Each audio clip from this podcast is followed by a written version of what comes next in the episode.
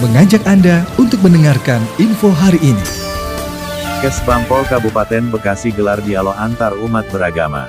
Cikarang Utara Badan Kesatuan Bangsa dan Politik Kesbangpol Kabupaten Bekasi menggelar kegiatan dialog antar umat beragama tahun 2022 di Hotel Grand Cikarang Jababeka Cikarang Utara pada Senin, tanggal 7 Maret tahun 2022. Kepala Badan Kesbangpol Kabupaten Bekasi Juhandi mengatakan, acara dialog tersebut diharapkan menjadi ajang silaturahmi antar umat beragama sekaligus untuk mencari pemahaman yang sama dalam menciptakan kondisi aman, tertib dan nyaman di tengah masyarakat.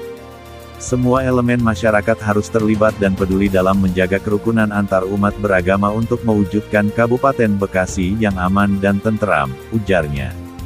Juhandi mengungkapkan, Hasil dari dialog ini selanjutnya akan menjadi bahan saran perbaikan pelayanan bagi pemerintah dan Forum Kerukunan Umat Beragama FKUB Kabupaten Bekasi, khususnya dalam bidang keagamaan.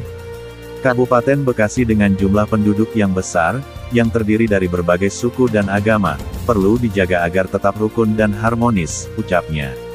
Selain itu, acara tersebut juga sangat baik untuk generasi muda agar bisa memahami arti dari kebinekaan, kebangsaan dan toleransi sehingga benar-benar bermanfaat bagi masyarakat Kabupaten Bekasi.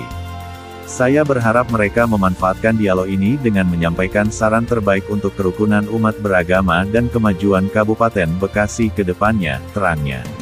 Acara dialog antar umat beragama tersebut juga dihadiri oleh Kesbangpol Jawa Barat, akademisi dari UIN Jakarta, Kementerian Agama Kota Kabupaten Bekasi, FKUB, para tokoh dari lintas agama.